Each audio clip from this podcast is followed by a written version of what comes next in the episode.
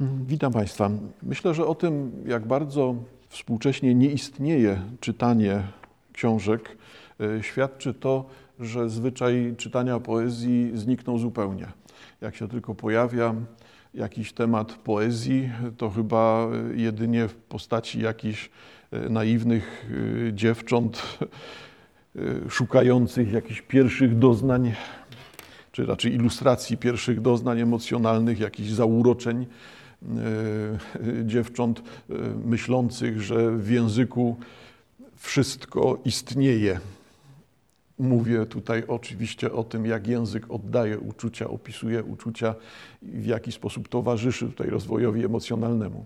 No tak, tylko tyle, że tak rozumiana poezja, no to jednak jest degradacja. No, degradacja literatury, degradacja poezji i ręce opadają. Z drugiej strony, może niech nie opadają te ręce, tylko przyjmijmy to, co chyba było oczywiste od początku. E, poezja z racji tak mocnej literackości, zaraz chyba będę wyjaśniał, co tutaj mam na myśli, e, wymusza czytelnika, który jest do tego przygotowany, który jest w stanie podjąć to zmaganie z poezją. Poezja w minimalnym stopniu jest tą wspominaną przeze mnie ilustracją emocjonalności, czy też opisami miłości poranków, słowików i trzymania się za ręce. To jest naprawdę margines gdzieś w postaci poezji wokół sentymentalizmu się obracającej. E, moim zdaniem poezja stanowi ekstrakt, stanowi ten wyciąg właśnie y, stanowi destylat y, z literatury. Przez literaturę rozumiem tutaj próbę, hmm, próbę uwiecznienia w języku, uwiecznienie mi nie pasuje, przez literaturę rozumiem wobec tego zmaganie się ze światem i z sobą. Podstawą literatury, a przede wszystkim podstawą poezji jest ten rozłam, ta przepaść, która istnieje między osobą, między ja, między człowiekiem, e, a światem. Przy czym przez świat rozumiem nie tylko ten fizykalny e, świat, to, że obracamy się, patrzymy wokół siebie, widzimy ściany, widzimy parę ulic, widzimy parę sklepów, widzimy innych ludzi, to nie o to chodzi, tylko przez świat rozumiem to, z czym człowiek musi się zmierzyć. Wobec tego to jest ta rzeczywistość fizyczna, ale to jest ten świat, który jest ponadfizyczny.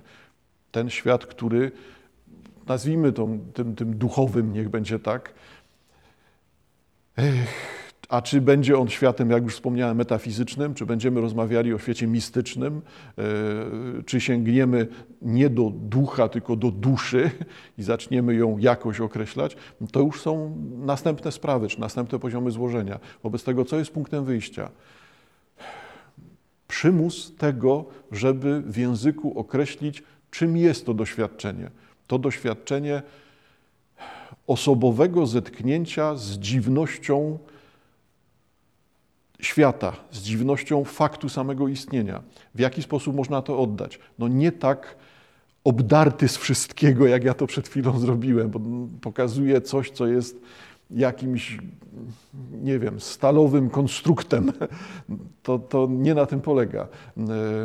Nie jest to tak brutalne, jak, jak to, o czym mówiłem. W różny sposób możemy ten przymus chęci nazwania świata, nazwania rzeczywistości w różny sposób możemy zrealizować.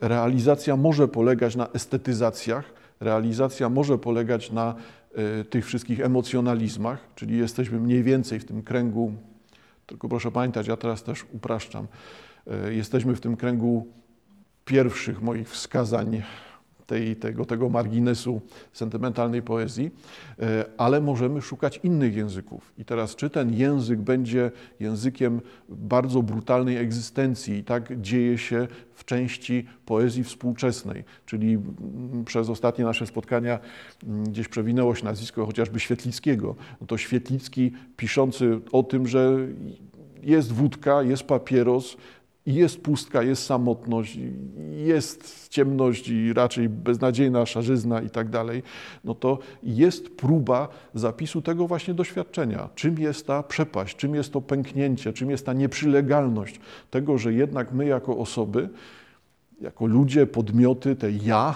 rozpoznające świat, wszystkie pojedyncze ja, w jaki sposób doświadczamy tego. Różnie będziemy nazywać to doświadczenie. Do czego zmierzam wobec tego? E, do tego, żeby sięgnąć do poezji Zbigniewa Herberta i na przykładzie kilku tekstów Zbigniewa Herberta, tekstów wykorzystujących tę, tą wyobraźnię, o której e, mówimy od paru spotkań, czyli wykorzystujących również te personifikowane e, postacie dobra i zła, próbuje poprzez trochę historię, trochę sztukę oddać to samo, czyli na czym polega doświadczenie świata, w jaki sposób ten no, często ból, przykrość, często zachwyt oczywiście też, w jaki sposób te, te, te skrajne doznania, doświadczenia zostają tutaj u Herberta przedstawione za pomocą języka sztuki, filozofii, języka historii, może tak. Y, I to już będzie to, co no, umownie nazywamy dykcją, czyli tym, w jaki sposób dana osoba przedstawia ten zapis, realizuje na papierze ten, ten przymus y, zapisu tego, jakie jest doświadczenie świata, czy jak no czasem jak, jak bolesne, jak przykre może być doświadczenie świata, albo jak dziwne, odmienne, zaskakujące, może zachwycające takie doświadczenie może być. E, postaci Herberta w tych biograficznych kontekstach nie będę poświęcał uwagi, dlatego że e, byłoby to znowu streszczaniem. Jeżeli ktoś jest zainteresowany tymi aspektami biograficznymi, to przypominam dwutomowa e, pozycja Herbert biografia autorstwa Franaszka. No, nie, niesamowita rzecz i świetnie się czytająca, także ja zachęcam do tego, żeby jak najbardziej do tego sięgnąć.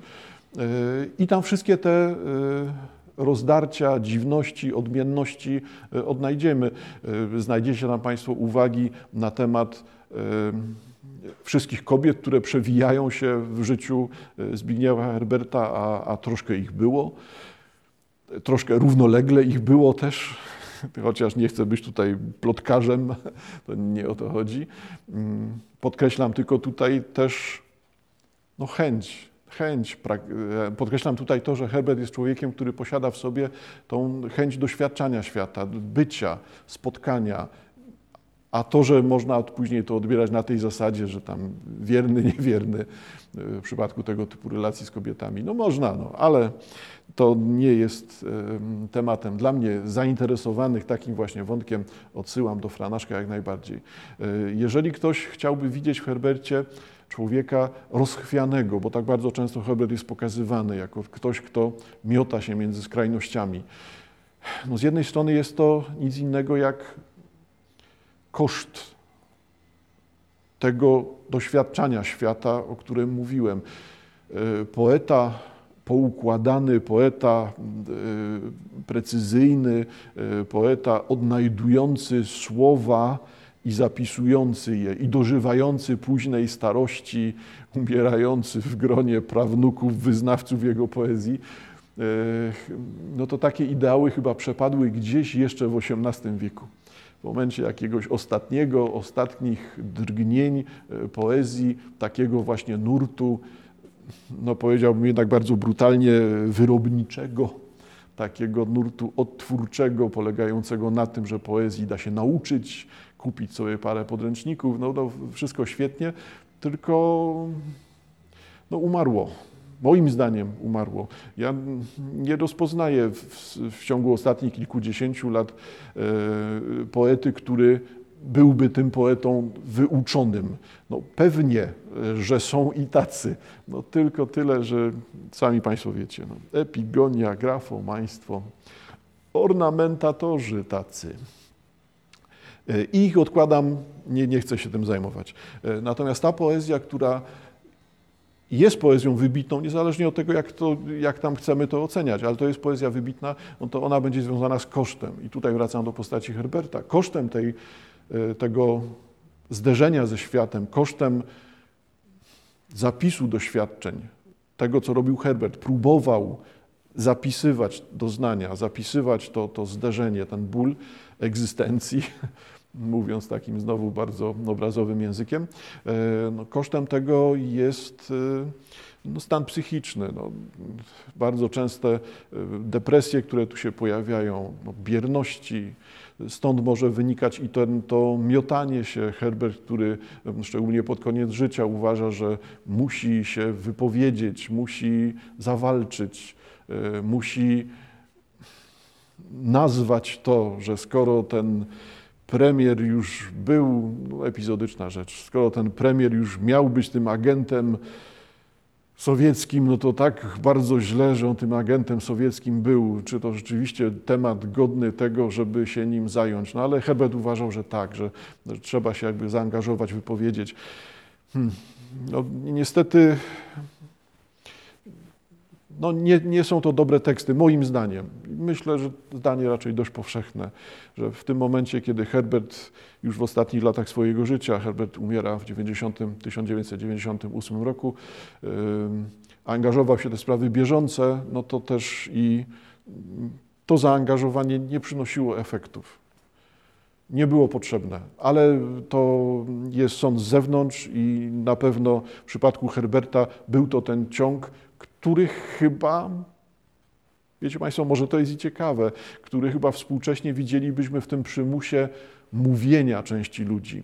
Skoro tak nas przeraża rzeczywistość, a przede wszystkim ta rzeczywistość polityczna współcześnie nas przeraża, tego, tej, tej fali mm, nienawiści, obrzucania się, obciążania, obciążania inwektywami, obciążania odpowiedzialnością, y, szukania winnych wszędzie, ustawiania, kto jest Polakiem, kto nie jest Polakiem i tak dalej, no to zauważcie Państwo, że jesteśmy chyba w podobnym momencie jak w latach 90., kiedy też to jest to miotanie się w latach 90. pomiędzy Y, polskością, a, a sowieckością, czy polskością, a pokłosiem totalitaryzmu, które występowały.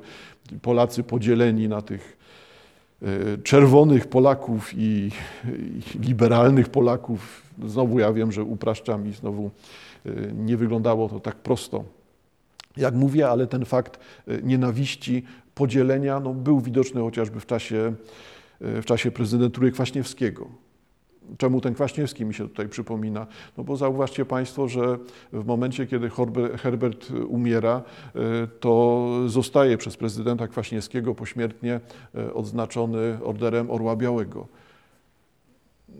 No i niezależnie od tego, jak to tam potem odbierzemy, czy jak będziemy to tłumaczyć, no Herbert się nie może na ten temat wypowiedzieć, a w życiu w jego życiu wielokrotnie e, pojawiały się takie sytuacje, w których Herbert decydował się na odmawianie takich zaszczytów, jakiś honoris causa, jakichś orderów, odznaczeń. Nie chciał być stroną, nie, nie chciał być kimś, kto służy innym do grania.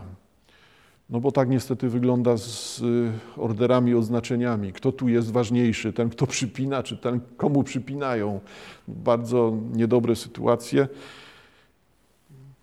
No i Herbert nigdy tego nie chciał. Wobec tego pośmiertnie przyznany, przyznane odznaczenie najwyższe.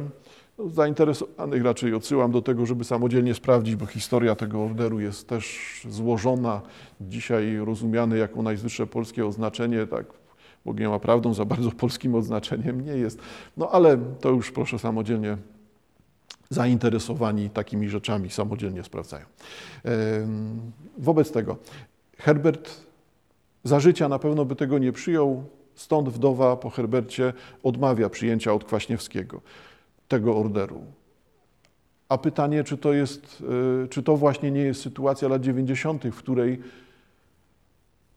widzimy podział, widzimy to, w jaki sposób stanięcie po stronie Kwaśniewskiego jest stanięciem po stronie tej Polski, którą wszyscy chcieli już odrzucić, chcieli o niej zapomnieć, tej Polski PRL-owskiej no to może tak, no, kilka lat później jednak wdowa przyjmie, zmieni się prezydent i przyjmie ten order Orła Białego. E, no ale też to są motywacje już w ogóle niezwiązane z Herbertem. Na to wpływu Herbert nie ma. Co wobec tego nas interesuje? Zwróćcie Państwo uwagę na to, że ta dykcja Herberta, sposób pisania Herberta dzisiaj hmm, nie sądzę, żeby był popularny. Po pierwsze, rzeczywiście wymaga on jakiejś podstawowej orientacji w kilku pomysłach, w kilku pojęciach, podstawowej orientacji w historii, odrobinę w sztuce, estetyce, filozofii. No, lista zaczyna być coraz dłuższa, czyli te po trochę orientacji w każdej tej dziedzinie daje całkiem solidny, y, daje całkiem solidne przygotowanie wymagane na starcie. Hmm, może dlatego nie jest to tak popularne. Może. Tylko tyle, że mm, popularność poezji dzisiaj, pierwsze moje zdanie, no jest rzeczą szalenie mm, niepewną, jak tutaj w ogóle mówić o popularności. Nawet jeżeli się pojawiają jakieś nagrody, wyróżnienia, Nobel ładnych parę lat temu, e, no to wcale nie oznacza, że za tym idzie popularność i to, że czytelnicy po to sięgają. To raczej świadczy o tym, że ci, którzy są w kapitułach tych wszystkich odznaczeń, czytają. Dziwna sytuacja. Niewielkie grono elitarnych czytelników przyznaje nagrodę, która ma świadczyć o popularności. Popularność wśród niewielkiej grupki. Czy to jest w ogóle popularność? Świat paradoksów, ale no, moim zdaniem raczej przezabawny, więc dlatego na to zwracam uwagę. E, co się dzieje w tej wyobraźni, której o której mówimy, czyli wokół tych wyobrażeń e, dobra, zła, wokół ich personifikacji. Sięgam do pierwszego tomu Zbigniewa Herberta Stuna Światła, e, tom z 1956 roku. Mamy tutaj wiersz mniej więcej w środku tomu o tytule Struna. Wiersz Struna kończy się słowami Zaprawdę, zaprawdę powiadam wam, wielka jest przepaść między nami a światłem. I to jest zdanie poprzedzające wiersz o tytule Zobacz. Za chwileczkę sięgamy do tekstu Zobacz, a teraz jeszcze komentarz do tego. Co jest potrzebne do tego, żeby zorientować się, co tu się dzieje? Zaprawdę, zaprawdę powiadam wam, wielka jest przepaść między nami a światłem. No myślę, że nie jest kłopotem to, żeby zauważyć, że to zaprawdę powiadam wam, jest niczym innym jak odwołaniem biblijnym, odwołaniem ewangelicznym, nawiązaniem do tego języka Ewangelii. Wobec tego ten typ wypowiedzi zapowiada nam, e, że w zdaniu kolejnym pojawi się coś, co będzie prawdą, będzie podkreśloną wytłuszczonym drukiem, no w tekście tego nie ma, tego wytłuszczenia, wytłuszczonym drukiem napisaną nam jakąś prawdą. Wielka jest przepaść między nami a światłem. Celowo wyciągam tylko ten fragment z tekstu. Co przedstawia ten fragment? Jaki stan czuje ludzi? Granica, której nie da się przekroczyć, przepaść. I jednocześnie słowo przepaść jest tutaj niczym innym jak podkreśleniem tego, że to jest granica nieprzekraczalna. To nie jest przepaść, nad którą zaraz będzie most, tylko to jest przepaść jako granica ostateczna, uznanie tego, że nie nastąpi tu kontakt, nie nastąpi zjednoczenie, że nie o ideałach scalania tutaj mówimy, tylko mówimy właśnie o tej sytuacji doświadczania świata jako obcości wielka jest przepaść. Przepaść między nami. Pytanie teraz, czy to nami oznacza jakąś społeczność?